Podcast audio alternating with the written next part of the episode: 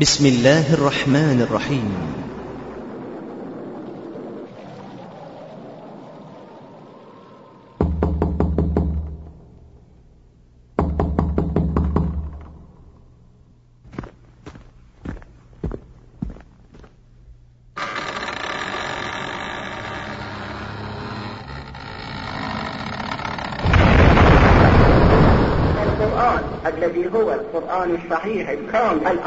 عند إمامنا المنتظر. هذه عقيدتنا. إن عليك لعنتي إلى يوم الدين. هاي الصلاة اللي لعنة الله عليك وعلى أهل البيت هم القرآن الناطق هذه عقيدتنا. كل القرآن هو الحسين وكل القرآن هو الرسول كما قال حسين رسول الله نفسه. قال نفسه من؟ قال هو علي بن أبي طالب. هذه عقيدتنا.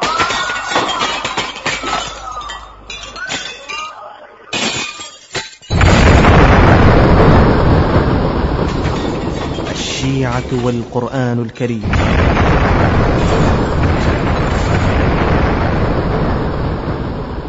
يحرفون الكلم من بعد مواضعه. يقولون إن أوتيتم هذا فخذوه وإن لم تؤتوه فاحذروا. ومن يرد الله فتنته فلن تملك له من الله شيئا. أولئك الذين لم يرد الله أن يطهر قلوبهم. لهم في الدنيا خزي ولهم في الآخرة عذاب عظيم. إن الشيعة الإمامية يعتقدون بأن القرآن الكريم الموجود بين أيدي المسلمين اليوم ليس كما أنزله الله تعالى على نبيه محمد صلى الله عليه وسلم وإنما قد وقع فيه تحريف وتغيير على يد أصحاب رسول الله صلى الله عليه وسلم حيث ادعوا أنهم حذفوا من القرآن الكريم كل الآيات التي نزلت في فضائل آل البيت وآيات أخرى كثيرة حذفوها وأسقطوها من القرآن الكريم على حد زعم الشيعة حتى لم يبقى من القرآن إلا نحو ثلثه. ويزعمون. أن القرآن الكامل الذي أنزله الله تعالى والسالم من أي تحريف هو موجود عند إمامهم الغائب وهو الإمام الثاني عشر محمد ابن الحسن العسكري. وهذه العقيدة هي العقيدة التي يقول بها جميع علماء الشيعة المتقدمين والمتأخرين. علماؤهم المقرون بالتحريف. محمد ابن الحسن الصفار. والذي عقد بابا في كتابه الشهير صائر الدرجات. ثم ساق أخبارا تحت هذا الباب صريحة في وقوع التحريف في القرآن الكريم. ومنهم محمد بن مسعود والمعروف بالعياش. فإنه قد شحن كتابه التفسير لتلك الروايات المنسوبة إلى أئمتهم والتي تدل على ضياع كثير من القرآن وعلى زيادة بعض الكلمات. ومنهم علي بن إبراهيم القمي. وهو شيخ الكليني وهو أيضا من البارزين بل من أبرز القائلين بتحريف القرآن. ومنهم محمد بن يعقوب الكليني. وهو من أكابر علماء الشيعة حيث ملأ كتابه الكافي بروايات كثيرة دالة صريحة على تحريف القرآن الكريم. وماذا يقولون في تحريف القرآن؟ إن رسول الله صلى الله عليه وآله قال لعلي إن القرآن خلف فراشي في الصحف والحرير والقراطيس. فخذوه واجمعوه ولا تضيعوه. انتهى. فالقرآن الذي هو القرآن الصحيح الكامل الآن عند إمامنا المنتظر فإذا ظهر يظهر هذا القرآن. أما هذا القرآن الذي الآن بين أيدينا هذا قرآن محترم لكن في تغيير في تغيير في تغيير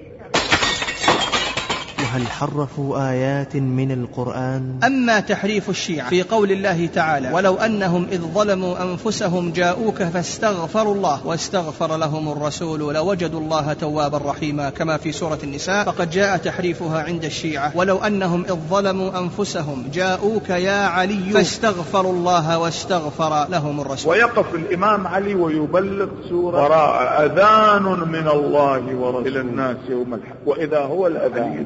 أبي أما قول الله تعالى ولو أنهم فعلوا ما يوعظون به لكان خيرا لهم وأشد تثبيتا. فإن الشيعة يحرفونها كما أسند شيخهم الكليني عن أبي عبد الله قال هكذا نزلت هذه الآية. ولو أنهم فعلوا ما يوعظون به في علي عليه السلام لكان خيرا لهم وأشد تثبيتا.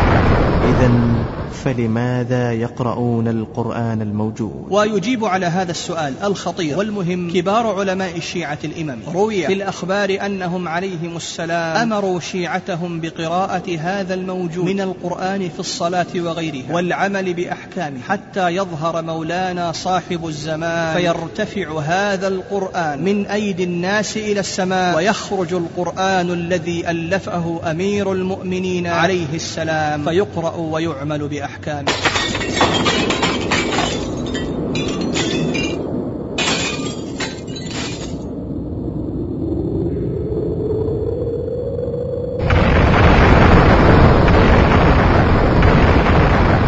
الشيعة والقرآن الكريم. حقائق وبراهين. يقدمها لكم فضيلة الشيخ ممدوح الحربي. بسم الله الرحمن الرحيم. الحمد لله رب العالمين والصلاة والسلام على أشرف الأنبياء والمرسلين نبينا وحبيبنا وقدوتنا محمد بن عبد الله صلى الله عليه وعلى آله وصحبه وسلم وبعد. أحييكم إخواني في الله بتحية الإسلام وتحية أهل الجنة فالسلام عليكم ورحمة الله وبركاته. وأسأل الله تعالى كما جمعنا في هذه الدنيا على طاعته أن يجمعنا في الآخرة في جنته بجوار الحبيب الخليل محمد بن عبد الله صلى الله عليه وسلم. واسمحوا لي أحبتي في الله أن أتكلم هذا اليوم عن الشيعة والقرآن الكريم. وحديثنا سيكون بإذن الله تعالى تحت العناصر التالية. علماء الشيعة المتقدمين وإجماعهم على تحريف القرآن الكريم وعلماء الشيعة المتأخرين وقولهم بتحريف القرآن الكريم. ثم نتكلم عن أسماء علماء الشيعة الذين قالوا بتحريف القرآن من المتقدمين ومن المتأخرين. ونتكلم كذلك عن كبار علماء الشيعة الذين شهدوا بأن محدث الشيعة الأول محمد بن يعقوب الكليني كان يعتقد بتحريف القرآن الكريم. ونتكلم عن كبار علماء الشيعة الذين يقولون إن الروايات التي تطعن في القرآن الكريم هي روايات متواترة ومستفيضة. ونتكلم بعد ذلك عن أنواع التحريف المزعوم في القرآن الكريم عند الشيعة الإمامية. ونجيب عن السؤال الذي يقول أين القرآن الصحيح في اعتقاد الشيعة الإمامية الاثنى عشرية؟ والسؤال الآخر الذي يقول لماذا يقرأ الشيعة هذا القرآن الموجود بين أهل السنة مع نقصه وتحريفه عندهم ثم نختم بأمثلة لتفسيرهم المنحرف لكتاب الله تعالى؟ فأقول وبالله التوفيق والسداد.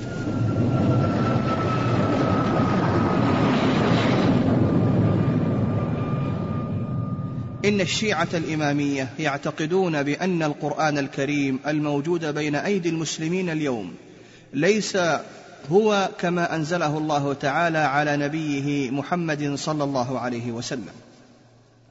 وإنما قد وقع فيه تحريف وتغيير على يد أصحاب رسول الله صلى الله عليه وسلم الذين غصبوا آل محمد حقهم على حد زعم الشيعة واعتقادهم.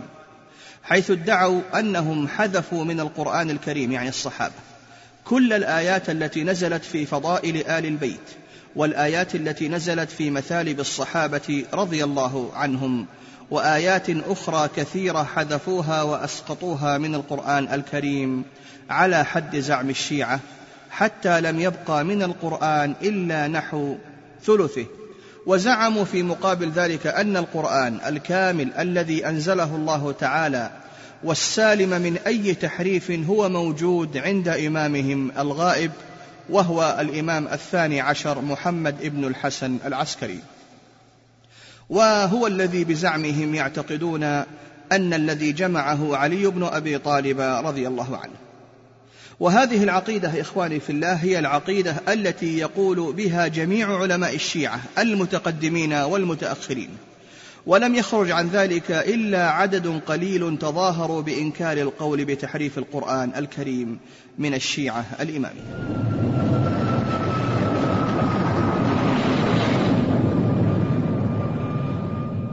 والآن ننتقل أحبابي في الله إلى علماء الشيعة المتقدمين وإجماعهم على تحريف القرآن الكريم.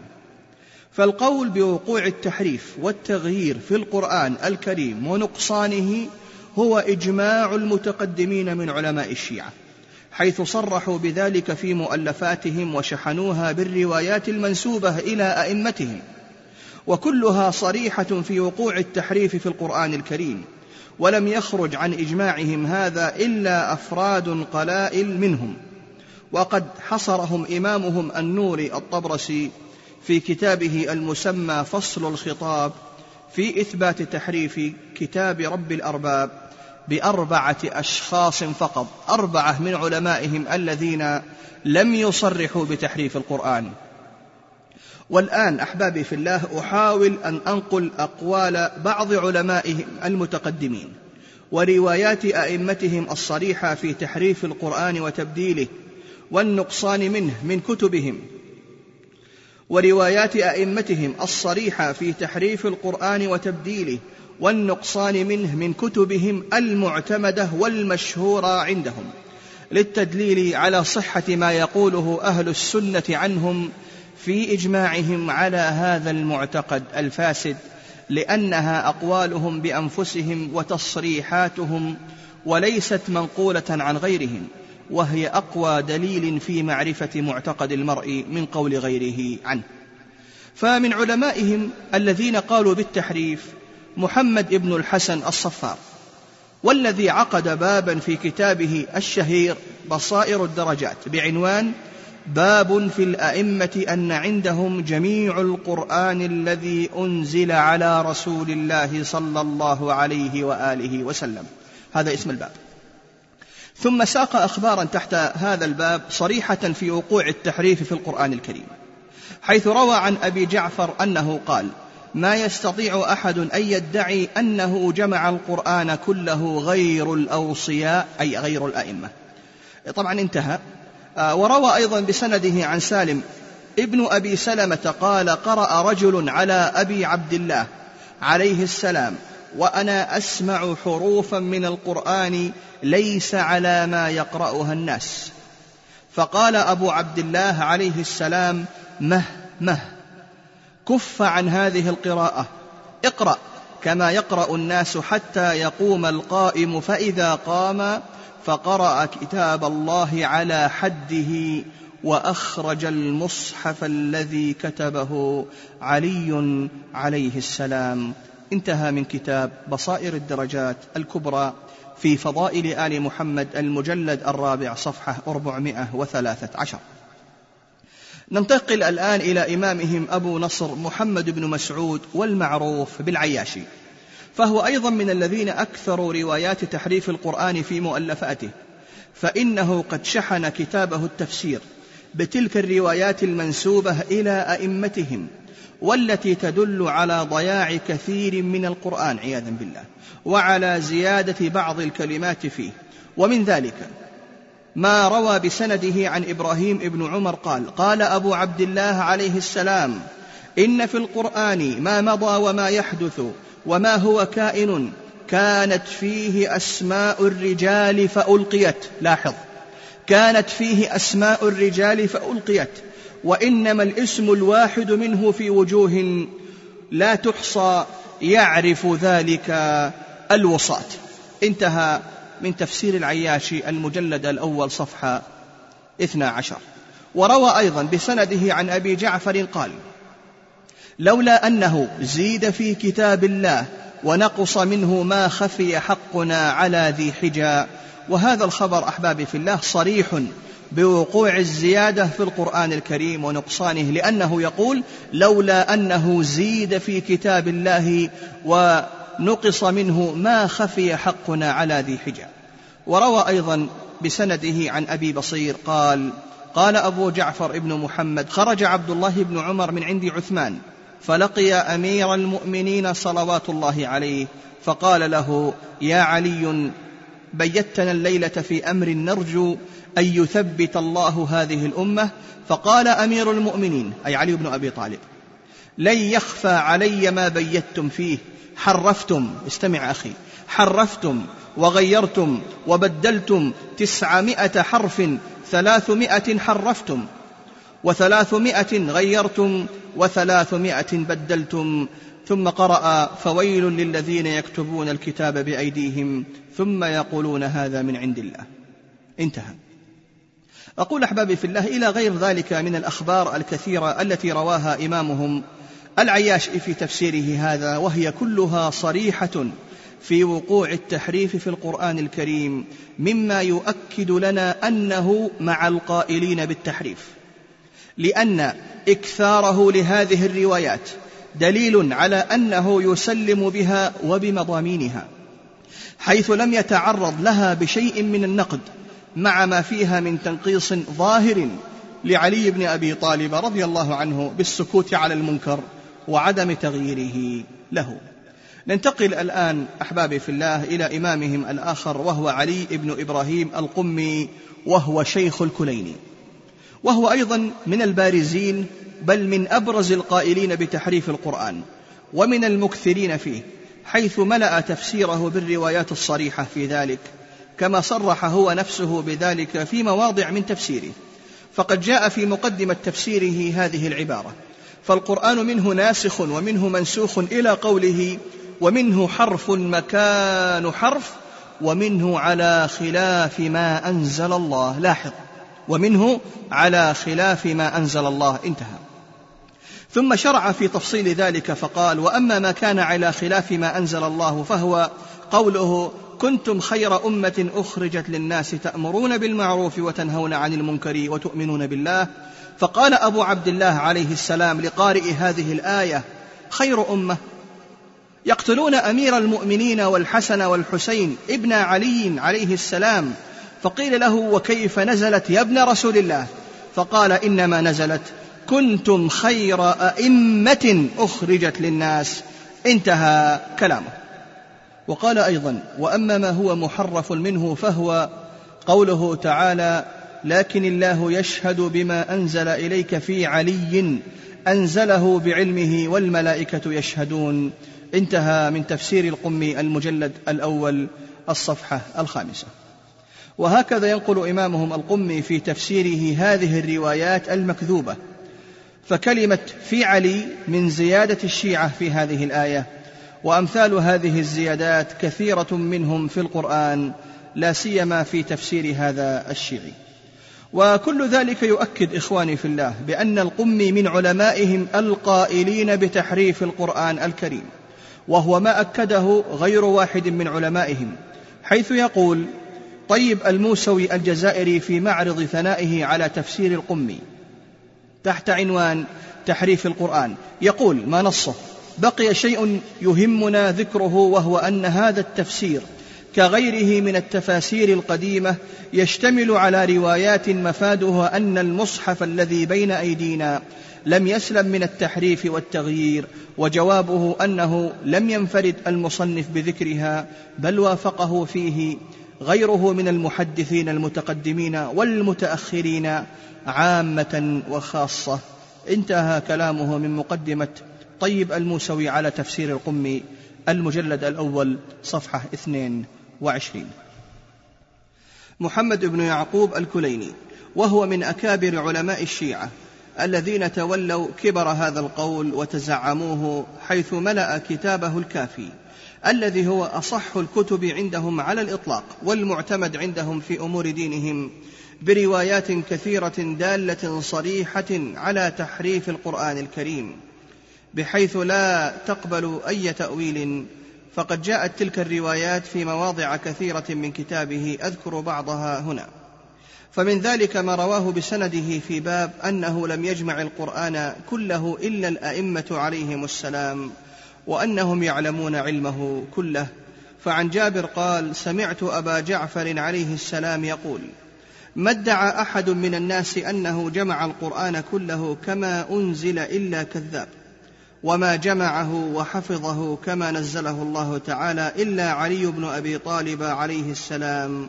والأئمة من بعده انتهى من أصول الكافي كتاب الحجة المجلد الأول صفحة 228 وكذلك أورد أخبارا كثيرة في باب نكت ونتف من التنزيل في الولاية منها ما روى بسنده عن جابر الجعفي عن أبي جعفر عليه السلام قال نزل جبريل عليه السلام بهذه الآية على محمد صلى الله عليه وآله وسلم هكذا بئس ما اشتروا به أنفسهم أن يكفروا بما أنزل الله في علي بغيا. انتهى كلامه. أقول إخواني في الله فكلمة في علي في هذه الرواية ليست من القرآن المنزل على محمد صلى الله عليه وسلم وإنما هي من وضع الشيعة من عند أنفسهم. كما روى الكليني أيضا بسنده عن أبي عبد الله قال نزل جبريل بهذه الآية هكذا يا أيها الذين أوتوا الكتاب آمنوا بما نزلت في علي نورا مبينا. انتهى من كتاب أصول الكافي كتاب الحجة. المجلد الأول صفحة 417 ولا يخفى إخواني في الله على أحد له أدنى معرفة بالقرآن الكريم أن هذا الذي ذكره الكليني ليس من القرآن البتة وإن كان قصده الآية التي في سورة النساء فهي ليست على هذه الصيغة التي ساقها في هذه الرواية وإنما هي يا أيها الذين أوتوا الكتاب آمنوا بما نزلنا مصدقا لما معكم من قبل أن نطمس وجوها. فنردها على أدبارها وهي في سورة النساء آية 47 ننتقل إلى أبو عبد الله محمد بن النعمان الملقب بالشيخ المفيد. فقد صرح بوقوع التحريف والتغيير في القرآن الكريم حيث يقول في كتابه أوائل المقالات في باب القول في تأليف القرآن وما ذكر قوم من الزيادة فيه والنقصان يقول إن الأخبار قد جاءت مستفيضة عن أئمة الهدى من آل محمد صلى الله عليه وسلم باختلاف القرآن وما أحدثه بعض الظالمين فيه. يقصد هنا بالظالمين هم الصحابة رضوان الله عليهم. يقول وما أحدثه بعض الظالمين فيه من الحذف والنقصان. انتهى كلامه من كتاب أوائل المقالات صفحة 93 وقال في موضع آخر واتفقوا على أن أئمة الضلال خالفوا في كثير من تأليف القرآن وعدلوا منه عن موجب التنزيل وسنة النبي صلى الله عليه وسلم. انتهى كلامه من كتاب أوائل المقالات صفحة 52 وبعد أن وقفنا على علماء الشيعة المتقدمين ننتقل الآن احبابي في الله إلى قول علماء الشيعة المتأخرين في تحريف القرآن الكريم. فالمتأخرون من الشيعة لا يختلفون عن المتقدمين في موقفهم من القرآن الكريم. فالكل متفقون على أن القرآن الموجود بأيدي الناس اليوم غير كامل حيث وقع فيه تحريف وتغيير وحذف بزعمهم وإن اختلفت طريقه إثبات هذا القول منهم. فالمتقدمون يثبتون التحريف بكل جراءة وصراحة كما تقدمت أقوالهم في ذلك. أما المتأخرون منهم فقد حاول بعضهم إظهار موافقتهم لأهل السنة تقية في القول بسلامة القرآن وعدم تحريفه. ولكن البعض الآخر منهم وهم الأغلب أظهروا ثباتهم على قول متقدميهم في القرآن الكريم فصرحوا بوقوع التحريف في القرآن ونقلوا أقوال من تقدمهم من علمائهم ورواياتهم المنسوبة إلى أئمتهم الصريحة في ذلك فملأوا مؤلفاتهم بكل ذلك ومن علمائهم المتأخرين الفيض الكاشاني الذي صرح بوقوع التحريف في القرآن الكريم ونقل أخبارا كثيرة دالة على ذلك من كتب المتقدمين عليه حتى جعله عنوان إحدى مقدمات تفسيره حيث قال المقدمة السادسة في نبذ مما جاء في القرآن وتحريفه وزياداته ونقصه وتأويل ذلك. ثم أورد تحت هذا العنوان روايات وأخبار كثيرة ومن تلك الأخبار ما رواه علي بن إبراهيم القمي في تفسيره عن أبي عبد الله قال إن رسول الله صلى الله عليه وآله قال لعلي إن القرآن خلف فراشي في الصحف والحرير والقراطيس فخذوه واجمعوه ولا تضيعوه. انتهى. ثم قال معلقا على هذه الأخبار أقول المستفاد من جميع هذه الأخبار وغيرها من الروايات من طريق أهل البيت أن القرآن الذي بين أظهرنا ليس بتمامه كما أنزل على محمد صلى الله عليه وآله بل منه ما هو خلاف ما أنزله الله. ومنه ما هو مغير محرف وأنه قد حذف منه أشياء كثيرة منها اسم علي وفي كثير من المواضع ومنها لفظة آل محمد صلى الله عليهم غير مرة ومنها أسماء المنافقين في مواضعها ومنها غير ذلك وأنه ليس أيضا على الترتيب المرضي عند الله وعند رسوله صلى الله عليه وآله انتهى من كتاب الصافي في تفسير القرآن للفيض الكاشاني المجلد الأول صفحة 24 أقول إخواني في الله هذا ما صرح به شيخهم الفيض الكاشاني من القول بتحريف القرآن الكريم. ننتقل إلى محمد بن الحسين الحر العاملي وهو الذي أورد في كتابه وسائل الشيعة أخبارا صريحة في وقوع التحريف في القرآن الكريم. من غير أن يتعرض لها بنقد مما يدل على صحتها عنده والتسليم بما دلت عليه تلك الأخبار. فمن تلك الأخبار ما نقله عن إبراهيم بن عمر عنه عليه السلام قال إن في القرآن ما مضى وما هو كائن وكانت فيه أسماء الرجال فألقيت يعني حذفت. وكانت فيه أسماء الرجال فألقيت وإنما الاسم الواحد على وجوه لا تحصى يعرف ذلك الوصاة يعني الأئمة. انتهى كلامه ويقصد كما ذكرت لكم أحبابي في الله بالوصاة هم الأئمة الاثنى عشر. أقول انتهى كلامه من كتاب وسائل الشيعة المجلد الثامن عشر صفحة 145 أبو الحسن العاملي النباطي حيث صرح بتحريف القرآن في مواضع كثيرة في مقدمته مرآة الأنوار ومشكاة الأسرار. فمن ذلك قوله اعلم أن الحق الذي لا محيص عنه بحسب الأخبار المتواترة الآتية وغيرها أن هذا القرآن الذي في أيدينا قد وقع فيه بعد رسول الله صلى الله عليه وآله وسلم شيء من التغيير وأسقط الذين جمعوه بعده كثيرا من الكلمات والآيات. يقصد الصحابة رضوان الله عليهم لأنهم هم الذين جمعوا القرآن. يقول وأسقط الذين جمعوه بعده كثيرا من الكلمات والآيات وأن القرآن المحفوظ عما ذكر الموافق لما أنزله الله تعالى ما جمعه علي وحفظه إلى أن وصل إلى ابنه الحسن وهكذا إلى أن انتهى إلى القائم. وهو اليوم عنده انتهى من كتاب مرآة الأنوار ومشكاة الأسرار. إمامهم حسين بن محمد تقي النوري الطبرسي الذي يعد من أبرز القائلين بتحريف القرآن الكريم من المتأخرين.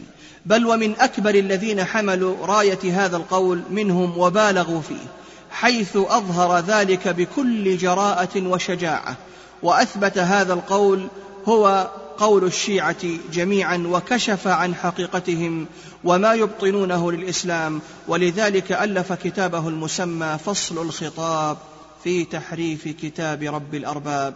وبذل فيه كل ما في وسعه لإثبات هذا القول عندهم. فأكثر النقل عن أخبار أئمتهم وتصريحات المتقدمين منهم. في ذلك واستدل على ذلك بكل ما عنده من بيان وتدليس كما أنه فند فيه شبه المنكرين من أئمة الشيعة وشنع عليهم وألزمهم بهذا القول وهو يرى أنه بعمله هذا الخبيث يتقرب إلى الله تعالى حيث قال في مقدمة كتابه الآن في الذكر ما نصه وبعد فيقول العبد المذنب المسيء حسين تقي النور الطبرسي جعله الله تعالى من الواقفين ببابه المتمسكين بكتابه. هذا كتاب لطيف وسفر شريف عملته في إثبات تحريف القرآن عياذا بالله تعالى. يقول هذا كتاب لطيف وسفر شريف عملته في إثبات تحريف القرآن وفضائح أهل الجور والعدوان وسميته فصل الخطاب في تحريف كتاب رب الأرباب وجعلت له ثلاث مقدمات وبابين وأودعت فيه من بديع الحكمة ما تقر به كل عين وأرجو ممن ينتظر رحمته المسيئون أن ينفعني به في يوم لا ينفع مال ولا بنون. أعوذ بالله من الشيطان الرجيم. أعوذ بالله من هذا الضلال.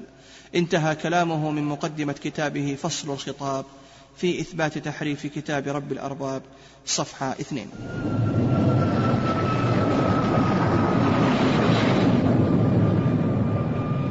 والآن أحبابي في الله ننتقل وعلى عجالة إلى ذكر أسماء علماء الشيعة المتقدمين والمتأخرين الذين قالوا بتحريف القرآن الكريم في كتبهم المعتمدة. منهم علي بن إبراهيم القمي في مقدمة تفسيره. ونعمة الله الجزائري في كتابه الأنوار النعمانية والفيض الكاشاني في تفسيره الصافي وأبو منصور الطبرسي في كتابه الاحتجاج ومحمد باقر المجلسي في كتابيه بحار الأنوار ومرآة العقول ومحمد ابن النعمان الملقب بالمفيد في كتابه أوائل المقالات وعدنان البحراني في كتابه مشارق الشموس الدرية ويوسف البحراني في كتابه الدرر النجفية والنوري الطبرسي في كتابه فصل الخطاب في إثبات تحريف كتاب رب الأرباب. وميرزا حبيب الخوئي في كتابه منهاج البراعة في شرح نهج البلاغة. ومحمد ابن يعقوب الكليني في كتابه الشهير الكافي. ومحمد العياشي في تفسيره. وأبو جعفر الصفار في كتابه بصائر الدرجات. والأردبيلي في كتابه حديقة الشيعة. والكرماني في كتابه إرشاد العوام. والكاشاني في كتابه هدية الطالبين. واستمع أخي إلى شيخهم الإحقاقي وهو يسأل عن تحريف القرآن الكريم في لقاء عام وأمام الشيعة. وكيف يقول ذلك الإمام أي شيخهم بأن القرآن الكامل هو عند أمير المؤمنين علي بن أبي طالب رضي الله عنه وأن القرآن الموجود بين أيدي المسلمين الآن قد وقع فيه النقص فاستمع ماذا يقول وماذا يفتي في فتواه العامة. بخصوص القرآن الكريم أكو عند العلماء اختلاف. قال بعضهم أن هذا القرآن هو ذاك القرآن. وأما القرآن الكامل الذي كل آية في يومه في ساعته كل سورة في أسبوعه في شهره في سنته هو الجماعة مولانا أمير المؤمنين عليه الصلاة والسلام. لأنه كان مع رسول الله صلى الله عليه وآله وسلم ليلا ونهارا. صباحا ومساء لا يأتي جبرائيل لا ينزل جبرائيل على رسول الله إلا وأمير المؤمنين معه. ويحفظ أو أنه يقول بأنه بأنه ما كان معه. مثلا بعض الليالي لكن هذه رواية صحيحة وحديث صحيح بأنه كل ما علم رسول الله صلى الله عليه وسلم علم أمير المؤمنين. الآن جاء أنا أتكلم كلام عادي مو بالحقائق. الحقائق غير هالشيء وإذا قلنا بأنه هذا أريد أتكلم بالحقائق أريد أقول بأنه أمير المؤمنين كان يعلم بالقرآن ويحفظ القرآن قبل قبل خلق آدم. لأنه قال رسول الله صلى الله عليه وآله وسلم كنت نبيا وآدم بين الماء والطين وكذا علي كان وليا وآدم بين الماء والطين والنبي معه الكتاب معه القرآن وهكذا علي هم كان حافظ القرآن. هذه عقيدتنا. فالقرآن الذي هو القرآن الصحيح الكامل الذي لا الذي لا تغيير له. هذا عند أمير المؤمنين صار عند أمير المؤمنين. ثم مثل ورثة الأنبياء مواريث الأنبياء تورثه مثلا الحسن عليه السلام ثم الحسين. الآن عند امامنا المنتظر أجل الله فرجه وأرواحنا فداء فالقرآن عنده. فإذا ظهر يظهر هذا القرآن. وأما هذا القرآن الذي الآن بين أيدينا هذا القرآن محترم لكن في تغيير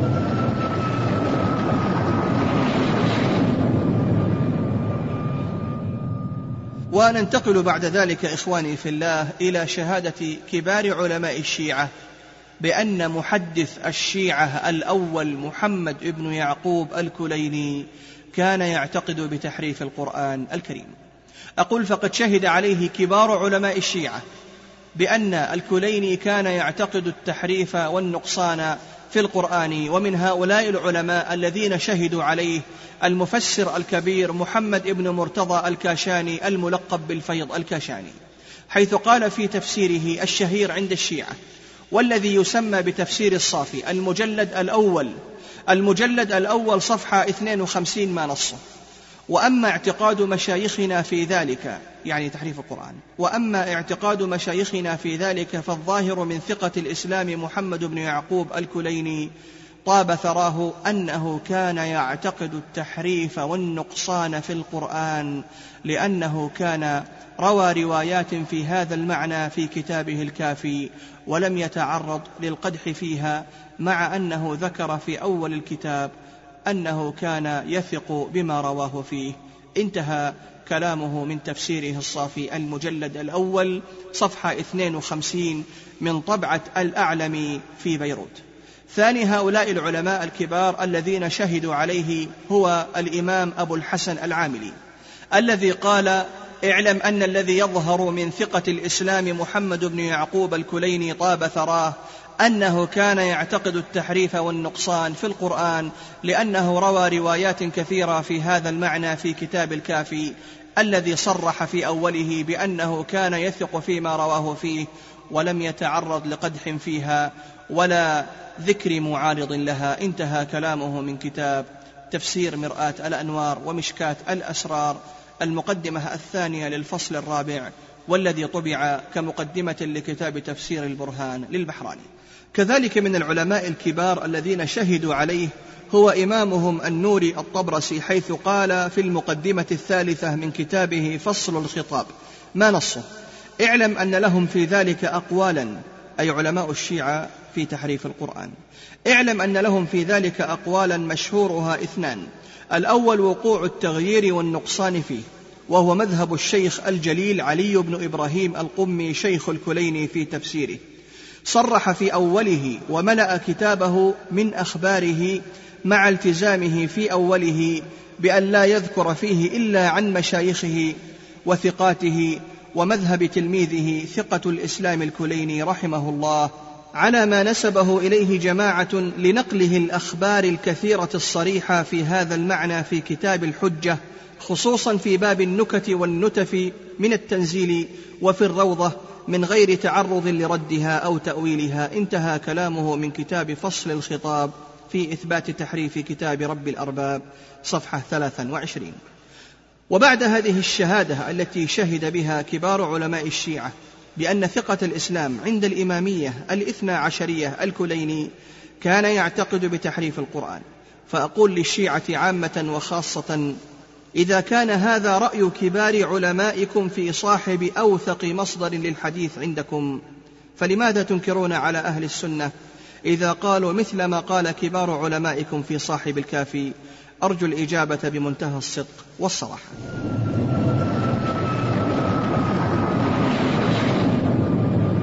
والآن أحبابي في الله ننتقل إلى كبار علماء الشيعة. الذين يقولون بأن الروايات التي تطعن في القرآن الكريم متواترة ومستفيضة. فهذا شيخهم المفيد يقول في كتاب أوائل المقالات ما نصه إن الأخبار قد جاءت مستفيضة عن أئمة الهدى من آل محمد صلى الله عليه وسلم باختلاف القرآن وما أحدثه بعض الظالمين فيه من الحذف والنقصان. انتهى من كتاب أوائل المقالات صفحة واحد وتسعين. وهذا إمامهم أبو الحسن العاملي الذي قال في المقدمة الثانية لتفسير مرآة الأنوار ومشكاة الأسرار صفحة ستة وثلاثين ما نصه؟ اعلم أن الحق الذي لا محيص عنه بحسب الأخبار المتواترة الآتية وغيرها أن هذا القرآن الذي في أيدينا قد وقع فيه بعد رسول الله صلى الله عليه وسلم شيء من التغييرات وأسقط الذين جمعوه بعده كثيرا من الكلمات والآيات. انتهى كلامه من تفسير مرآة الأنوار ومشكاة الأسرار صفحة ستة وثلاثين. وكذلك شيخهم نعمة الله الجزائري الذي قال في كتابه الأنوار النعمانية المجلد الثاني صفحة 357 ما نصه. إن تسليم تواتره عن الوحي الإلهي يعني القرآن الكريم. يقول إن تسليم تواتره عن الوحي الإلهي وكون الكل قد نزل به الروح الأمين يفضي إلى طرح الأخبار المستفيضة بل المتواترة الدالة بصريحها على وقوع التحريف في القرآن كلاما ومادة وإعرابا. انتهى كلامه من كتابه الأنوار النعمانية المجلد الثاني. صفحة 357 أما محمد باقر المجلسي فقد قال في معرض شرحه لحديث هشام بن سالم عن أبي عبد الله عليه السلام قال إن القرآن الذي جاء به جبرائيل عليه السلام إلى محمد صلى الله عليه وسلم سبعة عشر ألف آية قال عن هذا الحديث ما نصه.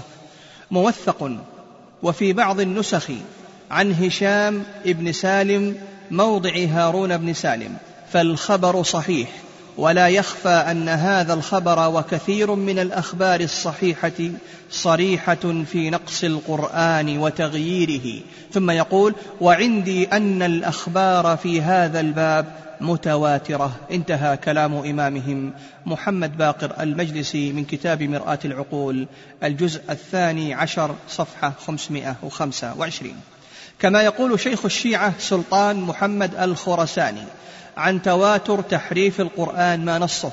اعلم أنه قد استفاضت الأخبار عن الأئمة الأطهار بوقوع الزيادة والنقيصة والتحريف والتغيير فيه أي في القرآن. يقول بوقوع الزيادة والنقيصة والتحريف والتغيير فيه بحيث لا يكاد يقع شك انتهى كلامه من كتاب تفسير بيان السعادة. في مقدمات العبادة صفحة تسعة عشر طبعة مؤسسة الأعلن. وكذلك أحبابي في الله يقول علامتهم الحجة السيد عدنان البحراني في تواتر التحريف ما نصه الأخبار التي لا تحصى أي أخبار تحريف القرآن. يقول الأخبار التي لا تحصى كثيرة وقد تجاوزت حد التواتر انتهى كلامه من كتاب مشارق الشموس الدرية صفحة 126 وهو من منشورات المكتبة العدنانية في دولة البحرين.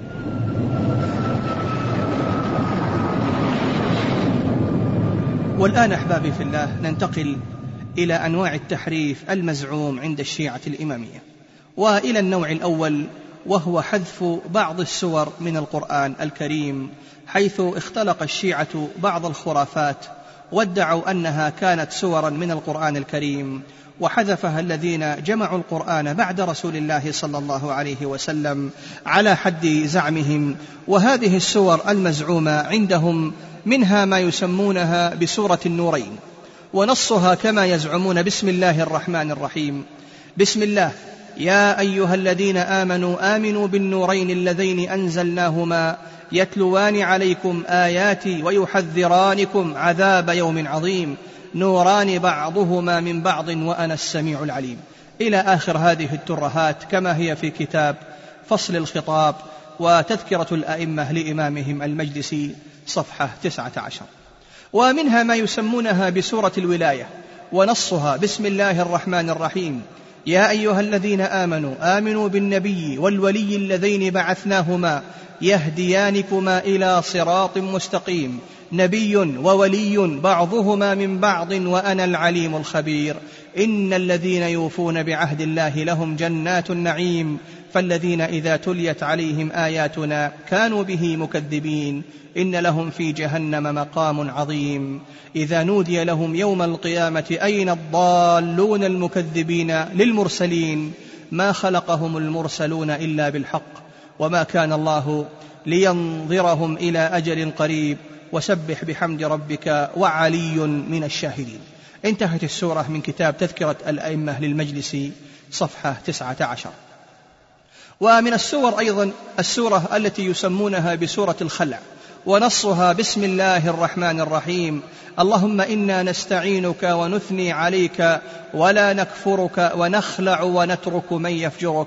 انتهت السورة من كتاب تذكرة الأئمة للمجلس وكذلك السورة التي تسمى عندهم بسورة الحفد ونصها. بسم الله الرحمن الرحيم. اللهم إياك نعبد ولك نصلي ونسجد وإليك نسعى ونحفد. نرجو رحمتك ونخشى نقمتك. إن عذابك بالكافرين ملحق. انتهت السورة من كتاب إمامهم المجلسي والمسمى بتذكرة الأئمة.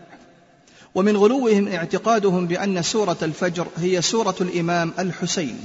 بل إن القرآن كله لأهل البيت وهذا من غلوهم في آل البيت وفي الحسين. فاستمع إلى أحد شيوخهم ماذا يقول؟ لما يأتي الإمام الصادق صلوات الله والسلام عليه ويقول بابن أمه يقول أن سورة الفجر هي سورة الإمام الحسين. ماذا يعني بهذا الكلام القرآن كله لأهل البيت. أهل البيت في القرآن الكريم. أهل البيت هم القرآن الناطق. كل القرآن هو الحسين وكل القرآن هو الرسول كما قال حسين مني وأنا من حسين. أما النوع الثاني أحبابي في الله من أنواع التحريف المزعوم عند الشيعة الإمامية هو حذف بعض الكلمات من بعض الآيات القرآنية حيث ادعت الشيعة حذف كلمات كثيرة من القرآن الكريم وزعموا أن الصحابة الكرام رضوان الله عليهم. أسقطوا تلك الكلمات من القرآن. وهذه الكلمات التي يزعمون حذفها يدور أغلبها حول كلمة علي وآل البيت وكلمات أخرى في أشياء شتى. فأما كلمة علي فقد زعموا أنها أسقطت من القرآن الكريم في مواضع كثيرة منها على سبيل المثال. لا الحصر قوله تعالى وإن كنتم في ريب مما نزلنا على عبدنا فأتوا بسورة من مثله كما في سورة البقرة فقد أسند الكليني عن أبي جعفر قال نزل جبريل بهذه الآية على محمد صلى الله عليه وآله هكذا وإن كنتم في ريب مما نزلنا على عبدنا في علي فأتوا بسورة من مثله. وهذه الرواية في أصول الكافي كتاب الحجة باب فيه نكت ونتف من التنزيل في الولاية. وأقول هي في المجلد الأول صفحة 417 وكذلك في قوله تعالى بئس ما اشتروا به أنفسهم أن يكفروا بما أنزل الله بغيا أن ينزل الله من فضله على من يشاء من عباده. كما في سورة البقرة آية 90 فقد أسند الكليني عن أبي جعفر قال نزل جبريل بهذه الآية على محمد صلى الله عليه وآله هكذا. بئس ما اشتروا به أنفسهم أن يكفروا بما أنزل الله في علي بغيا أن ينزل الله من فضله على من يشاء من عباده. وهذه الرواية في أصول الكافي. كتاب الحجة باب فيه نكت ونتف من التنزيل في الولاية المجلد الأول صفحة 417 وأما قوله تعالى يا أيها الذين أوتوا الكتاب آمنوا بما نزلنا مصدقا لما معكم من قبل أن نطمس وجوها فنردها على أدبارها كما في سورة النساء آية 47 فقد أسند الكليني عن أبي جعفر قال نزلت هذه الآية على محمد صلى الله عليه وآله. هكذا يا أيها الذين أوتوا الكتاب آمنوا بما أنزلت في علي مصدقا لما معكم من قبل أن نطمس وجوها. أما تحريف الشيعة في قول الله تعالى ولو أنهم إذ ظلموا أنفسهم جاءوك فاستغفروا الله واستغفر لهم الرسول لوجدوا الله توابا رحيما كما في سورة النساء آية 64 فقد جاء تحريفها عند الشيعة كما في تفسير القمي المجلد الأول صفحة 142 بهذا النص. ولو أنهم إذ ظلموا أنفسهم جاءوك يا علي فاستغفروا الله واستغفر لهم الرسول. أما قول الله تعالى ولو أنهم فعلوا ما يوعظون به لكان خيرا لهم وأشد تثبيتا كما في سورة النساء. فإن الشيعة يحرفونها كما أسند شيخهم الكليني عن أبي عبد الله قال هكذا نزلت هذه الآية ولو أنهم فعلوا ما يوعظون به في علي عليه السلام لكان خيرا لهم وأشد تثبيتا. وارجع إلى أصول الكافي كتاب الحجة. باب فيه نكت ونتف. المجلد الأول صفحة 417 وكذلك كتاب البرهان في تفسير القرآن.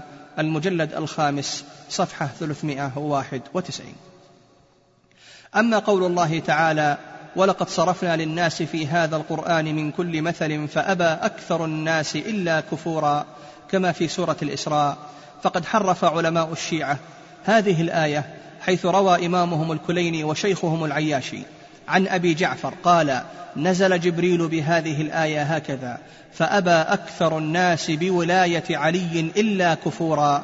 راجع أصول الكافي كتاب الحجة باب فيه نكت ونتف من التنزيل في الولاية المجلد الأول صفحة 425 وكذلك أخي الحبيب راجع تفسير العياشي المجلد الثاني صفحة 317 أما قول الله تعالى ومن يطع الله ورسوله فقد فاز فوزا عظيما كما في سورة الأحزاب.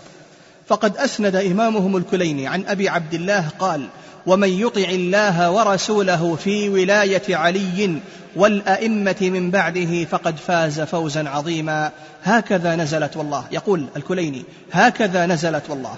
انتهى من أصول الكافي كتاب الحجة. باب فيه نكت ونتف من التنزيل في الولاية. المجلد الأول صفحة 414 وكذلك في كتاب الصراط المستقيم. للبياضي المجلد الأول صفحة 279 أقول إخواني في الله هناك الكثير والكثير من المواضع التي ادعت الشيعة الإمامية حذف اسم علي ابن أبي طالب رضي الله عنه منها وهي كثيرة جدا والذي ذكرته فيه الكفاية لمعرفة ضلالهم في القرآن الكريم. وأما لفظة آل محمد وآل البيت فقد ادعت الشيعة كذلك أنها حذفت من مواضع كثيرة من القرآن الكريم. حيث رووا أخبارا كثيرة عن أئمتهم تصرح بحذف هذه الكلمة من الآيات التي يزعمون أنها وردت فيها ومن ذلك على حد زعمهم كما في قوله تعالى فبدل الذين ظلموا قولا غير الذي قيل لهم فأنزلنا على الذين ظلموا رجزا من السماء بما كانوا يفسقون كما في سورة البقرة. فقد أسند إمامهم العياشي في تفسيره. المجلد الأول صفحة 45 عن أبي جعفر قال نزل جبريل بهذه الآية هكذا فبدل الذين ظلموا آل محمد حقهم غير الذي قيل لهم فأنزلنا على الذين ظلموا آل محمد حقهم رجزا من السماء بما كانوا يفسقون. انتهى.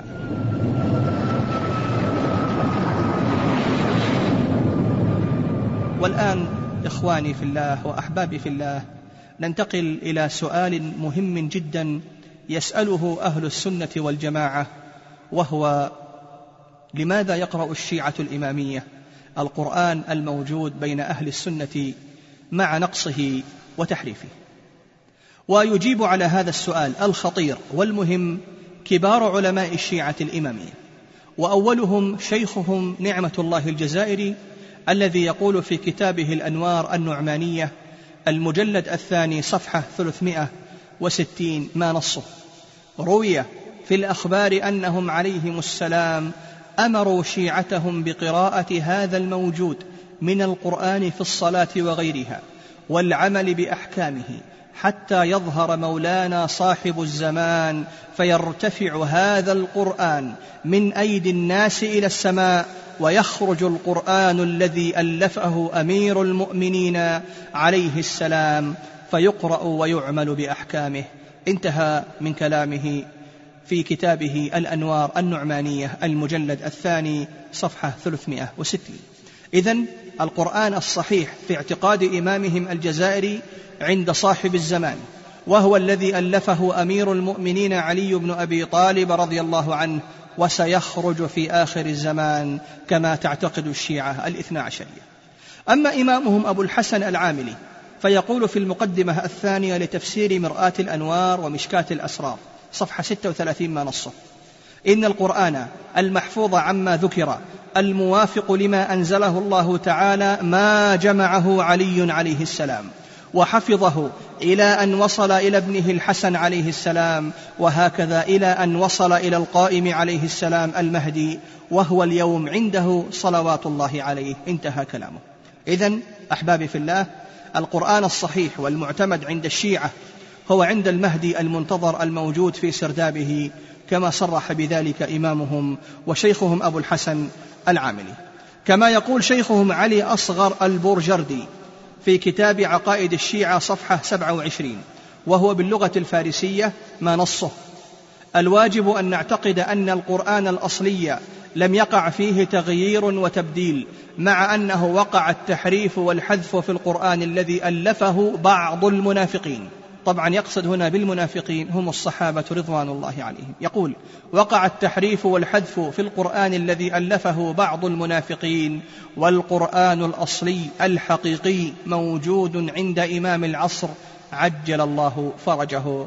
انتهى كلامه من كتاب عقائد الشيعة صفحة 27 أما إمامهم محمد بن النعمان والملقب بالمفيد فيجيب عن السؤال السابق بقوله إن الخبر قد صح عن أئمتنا عليهم السلام أنهم قد رأوا بقراءة ما بين الدفتين وأن لا نتعداه إلى زيادة فيه ولا إلى نقصان منه إلى أن يقوم القائم عليه السلام فيقرئ الناس على ما أنزل الله تعالى وجمعه أمير المؤمنين عليه السلام.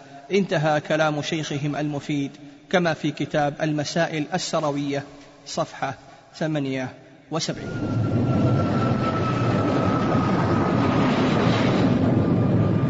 والآن أحبابي في الله وإخواني في الله وكل من يبحث عن الحق ننتقل بكم إلى بعض الحماقات التي وقع فيها أئمة الشيعة والتي يضحك منها المجانين والصبيان في تفسيرهم المنحرف لآيات القرآن الكريم. ومن الأمثلة على ذلك تفسيرهم لقوله تعالى اهدنا الصراط المستقيم كما في سورة الفاتحة. قالوا المراد بالصراط المستقيم هو علي بن أبي طالب رضي الله عنه. كما روى إمامهم علي بن إبراهيم القمي في تفسيره عن أبي عبد الله قال الصراط المستقيم هو أمير المؤمنين ومعرفة الإمام. انتهى. وفي قوله تعالى ألف لام ميم ذلك الكتاب لا ريب فيه هدى للمتقين الذين يؤمنون بالغيب ويقيمون الصلاة ومما رزقناهم ينفقون. كما في سورة البقرة قالوا ذلك الكتاب هو علي بن أبي طالب. وقوله هدى للمتقين المتقون هم شيعة علي. وقوله الذين يؤمنون بالغيب أي الذين يؤمنون بقيام قائمهم. وقد ذكر هذا التفسير شيخهم القمي في تفسيره المجلد الأول صفحة ثلاثين وشيخهم العياشي في تفسيره المجلد الأول صفحة خمسة وعشرين. واستمع أخي الحبيب إلى شيخهم عبد الحميد المهاجر وهو يحرف التفسير في قوله تعالى وفديناه بذبح عظيم وذلك في قصة إبراهيم مع ابنه إسماعيل عليهم السلام إلى أن الذبيح هو الحسين رضي الله عنه. فاستمع ماذا يقول. ويبين أنه وفديناه بذبح عظيم. الذبح العظيم هو الإمام الحسين. والفداء ليس لإسماعيل إنما للإسلام وللدين وللعقيدة وللقرآن. واستمع أخي الحبيب إلى شيخهم عبد الحميد المهاجر وهو يفسر قوله تعالى عما يتساءلون عن النبأ العظيم. بأن النبأ العظيم ليس هو يوم القيامة كما يفسره جميع المسلمين وإنما هو أمير المؤمنين علي بن أبي طالب رضي الله عنه. وهذا من غلوهم وتفسيرهم الباطني فاستمع ماذا يقول. بسم الله الرحمن الرحيم. عما يتساءلون عن النبأ العظيم. الذي هم فيه مختلفون. النبأ العظيم من هو؟ الإمام أمير المؤمنين يقول والله ليس لله والله ما لله نبأ أعظم مني ولا لله آية أكبر مني. أكبر آية آية هو الحجة له وأما قوله تعالى إن الله لا يستحي أن يضرب مثلا ما بعوضه فما فوقها كما في سورة البقرة. قالوا البعوضة هو علي بن أبي طالب رضي الله عنه. وقالوا فما فوقها هو رسول الله صلى الله عليه وسلم. وقد ذكر ذلك شيخهم القمي في تفسيره المجلد الأول صفحة اربعا وثلاثين. وهذا التفسير إخواني في الله فيه من الاستهزاء الواضح بعلي رضي الله عنه وتنقيص لقدره فإن المعروف أن البعوضة غالبا ما يضرب بها المثل للدلالة على حقارة الممثل له وتفاهته. فكيف يتصور أن ينزل علي بن أبي طالب رضي الله عنه مثل هذه المنزلة وهذه الإساءة إلى علي رضي الله عنه وهذا ليس بمدح له أبدا إخواني في الله. أما في قوله تعالى واوفوا بعهدي أوف بعهدكم وإياي فارهبون كما في سورة البقرة قال العياشي في تفسيره كما في المجلد الأول صفحة 42 وأوفوا بعهدي أي أوفوا بولاية علي أوف بعهدكم أي أوفي لكم الجنة. وهذا تفسير يأباه سياق الآية فإن سياقها يتعلق ببني إسرائيل ودعوتهم إلى الوفاء بعهد الله وشكر النعم التي أنعمها الله عليهم بها ولا يدخل فيها ما يزعمه الشيعة تفسيرا لها. وأما قوله تعالى مثل الذين ينفقون أموالهم في سبيل الله كمثل حبة أنبتت سبع سنابل في كل سنبلة مئة حبة كما في سورة البقرة. فقد فسروا هذه الآية بما يبعث على الضحك والعجب حيث روى الفضل بن محمد الجعفي. قال سألت أبا عبد الله عن هذه الآية. قال الحبة فاطمة. الحبة فاطمة والسبع السنابل سبعة من ولدها. سابعهم قائمهم. قلت الحسن قال الحسن إمام من الله مفترض طاعته ولكنه ليس من السنابل السبعة. أولهم الحسين وآخرهم القائم. فقلت قوله في كل سنبلة مئة حبة قال يولد للرجل منهم في الكوفة مئة من صلبه وليس إلا هؤلاء السبعة. انتهى من تفسير العياشي المجلد الأول صفحة 147 واستمع أخي الحبيب إلى أحد شيوخهم وهو يفسر كلمة ترابا في قوله تعالى ويقول الكافر يا ليتني كنت ترابا بأن التراب هنا هو علي بن أبي طالب رضي الله عنه وهذا من شدة غلوهم في ذلك الإمام رضي الله عنه. فاستمع ماذا يقول. ويقول الكافر يا ليتني كنت ترابا مو هذه آخر آية؟ فأول آية النبأ العظيم أمير المؤمنين. ترابا يعني شنو؟ من أسماء الإمام علي أبو تراب من ألقابه وكناه كنية ولقب أيضا. هو الكنية خاصة أب وأم. لكن أحيانا اللقب يكون مع الكنية. لماذا سماه أبو تراب؟ الرسول سماه أبا تراب. يعني وجد التراب عليه؟ لا فيها معاني كبيرة. فيها إشارة إلى الأرض وأنه حجة الله في الأرض. وأنه ثم ترابا يعني من أصحاب أبي تراب من شيعة علي يعني ترابيا علويا شيعيا. هناك الإنسان اللي ينظر إلى علي بن أبي طالب ومقام الإمام أمير المؤمنين ويذهب إلى الله من دون ولاية أهل البيت يقول يا ليتني كنت علويا يا ليتني كنت مصاحبا لأبي تراب يا ليتني كنت ترابا. فأولها عن الإمام علي. وآخرها. هذا التفسير عند أهل البيت.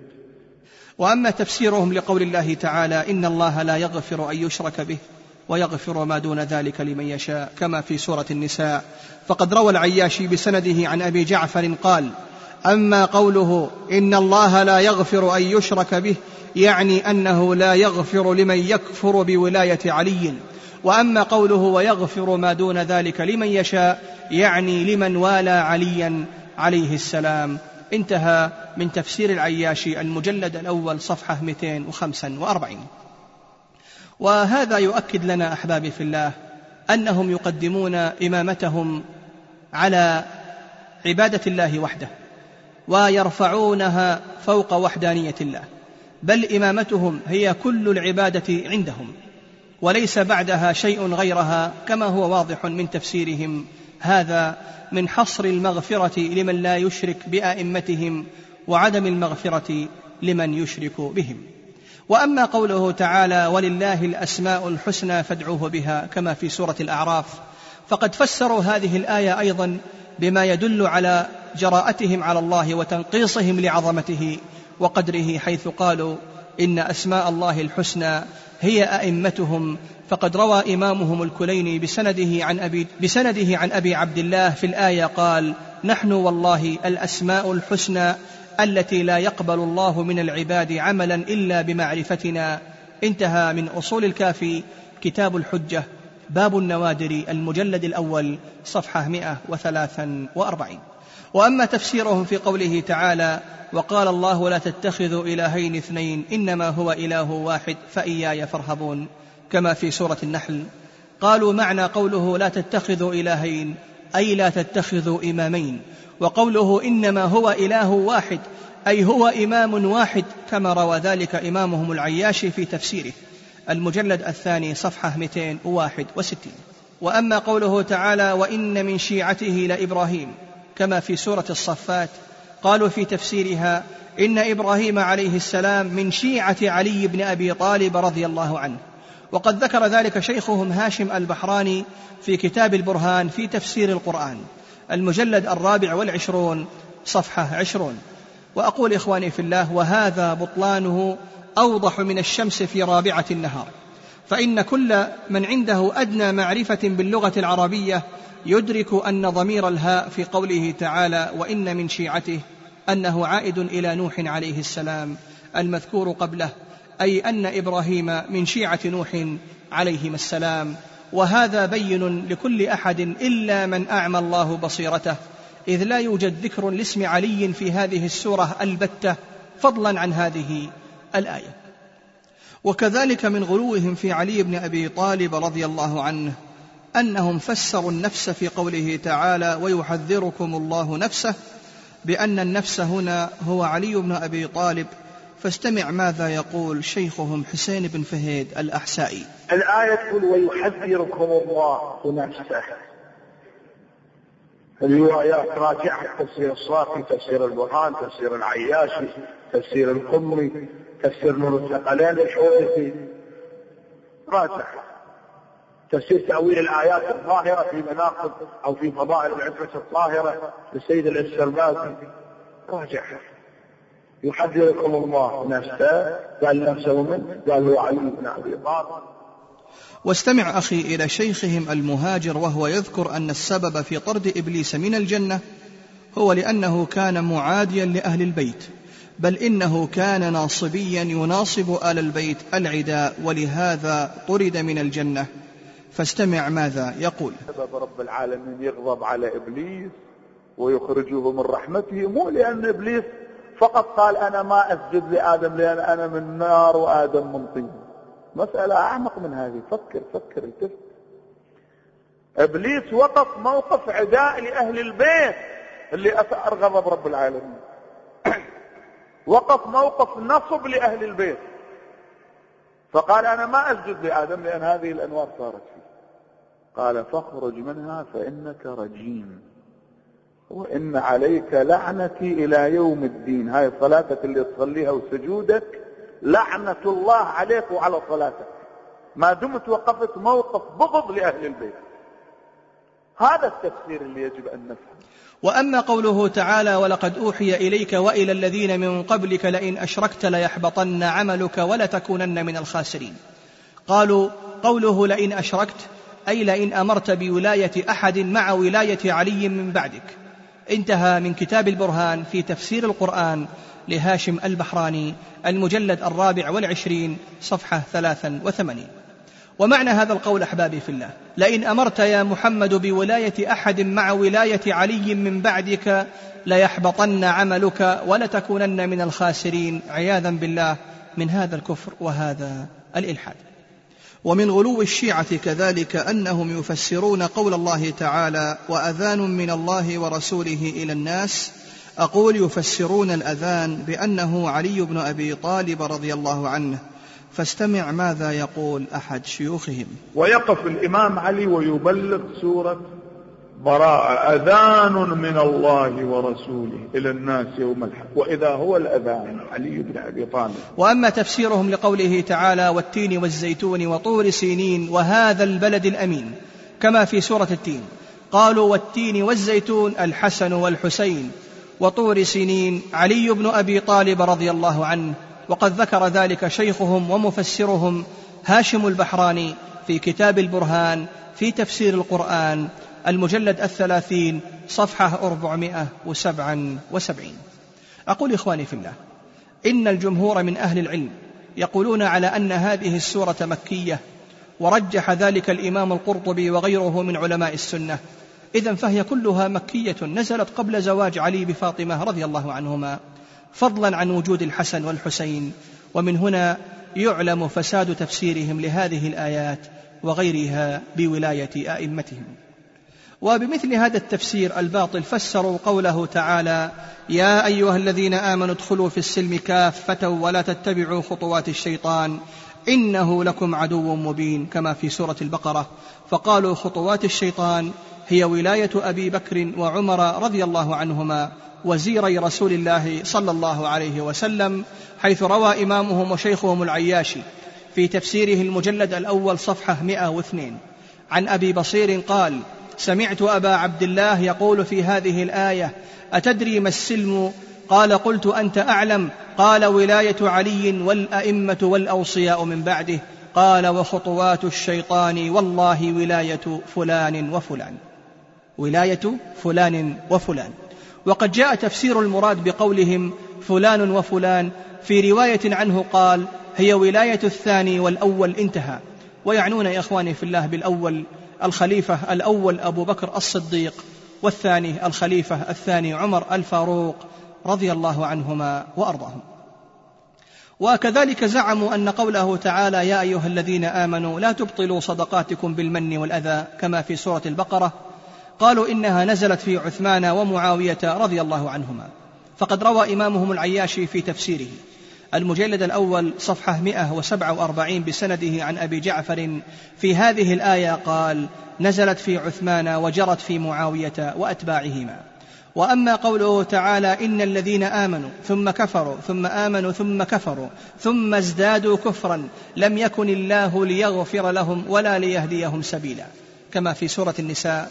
قالوا هذه الآية المراد بها الخلفاء الثلاثة أبو بكر وعمر وعثمان ومعاوية وعبد الرحمن بن عوف وغيرهم من أصحاب رسول الله صلى الله عليه وسلم هم الذين كفروا على حد زعمهم.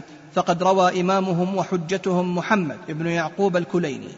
عن أبي عبد الله في الآية قال إنها نزلت في فلان وفلان وفلان آمنوا بالنبي في أول الأمر وكفروا حيث عرضت عليهم الولاية حين قال النبي صلى الله عليه وآله وسلم من كنت مولاه فعلي مولاه. ثم آمنوا بالبيعة لأمير المؤمنين عليه السلام ثم كفروا حيث مضى رسول الله صلى الله عليه وآله وسلم. فلم يقروا بالبيعة ثم ازدادوا كفرا بأخذهم. من بايعهم بالبيعة لهم؟ فهؤلاء لم يبقى فيهم من الإيمان شيء. انتهى من أصول الكافي كتاب الحجة. باب فيه نكت ونتف من التنزيل في الولاية المجلد الأول صفحة 420 وكذلك جاء في كتاب البرهان في تفسير القرآن البحراني المجلد الخامس صفحة 421 أقول إخواني في الله والمقصود بفلان وفلان وفلان عندهم هم الخلفاء الثلاثة كما توضحه رواية إمامهم العياشي. عن جابر قال قلت لمحمد بن علي عليه السلام في قول الله في كتابه إن الذين آمنوا ثم كفروا قال هما أبو بكر وعمر والثالث عثمان والرابع معاوية وعبد الرحمن وطلحة وكانوا سبعة عشر رجلا انتهى من تفسير العياشي المجلد الأول صفحة 279 وأما قوله تعالى وما جعلنا الرؤيا التي أريناك إلا فتنة للناس والشجرة الملعونة والشجرة الملعونة في القرآن كما في سورة الإسراء قالوا الشجرة الملعونة في القرآن هم بنو أمية وقد ذكر ذلك العياشي في تفسيره المجلد الثاني صفحة 297 وأما قوله تعالى أو كظلمات في بحر لجي يغشاه موج من فوقه موج من فوقه سحاب ظلمات بعضها فوق بعض إذا أخرج يده لم يكد يراها ومن لم يجعل الله له نورا فما له من نور كما في سورة النور. قالوا الظلمات أبو بكر وعمر يغشاه موج عثمان بعضها فوق بعض معاوية وفتن بني أمية. وقد ذكر هذا التفسير إمامهم البحراني في كتاب البرهان في تفسير القرآن المجلد الثامن عشر صفحة 133 وبمثل هذه الخرافات إخواني في الله فسروا قوله تعالى ونري فرعون وهامان وجنودهما منهم ما كانوا يحذرون. كما في سورة القصص قالوا المراد بفرعون وهامان في الآية أبو بكر وعمر. وقد ذكر هذا شيخهم نعمة الله الجزائري في كتابه الأنوار النعمانية المجلد الثاني صفحة تسعة وثمانين. وأما قوله تعالى وضرب الله مثلا للذين آمنوا امرأة فرعون إذ قالت رب ابن لي عندك بيتا في الجنة. ونجني من فرعون وعمله ونجني من القوم الظالمين. كما في سورة التحريم قالوا إن هذه الآية مثل ضربه الله لرقية بنت رسول الله صلى الله عليه وسلم وزوجها عثمان ابن عفان رضي الله عنهما. كما فسروا قوله تعالى ونجني من فرعون وعمله يعني به من عثمان وعمله ونجني من القوم الظالمين. هم بنو أمية وقد ذكر هذا التفسير إمامهم البحراني في كتاب البرهان في تفسير القرآن صفحة 358 في المجلد التاسع والعشرين. وكذلك فسروا قوله تعالى وجاء فرعون ومن قبله والمؤتفكات بالخاطئة كما في سورة الحاقة. بمثل تلك الافتراءات الظالمة والجائرة في حق الصحابة رضوان الله عليهم حيث روى شرف الدين النجفي بسنده عن حمران أنه سمع أبا جعفر يقول في هذه الآية وجاء فرعون يعني الثالث ومن قبله يعني الأوليين والمؤتفكات بالخاطئة يعني عائشة عياذا بالله تعالى.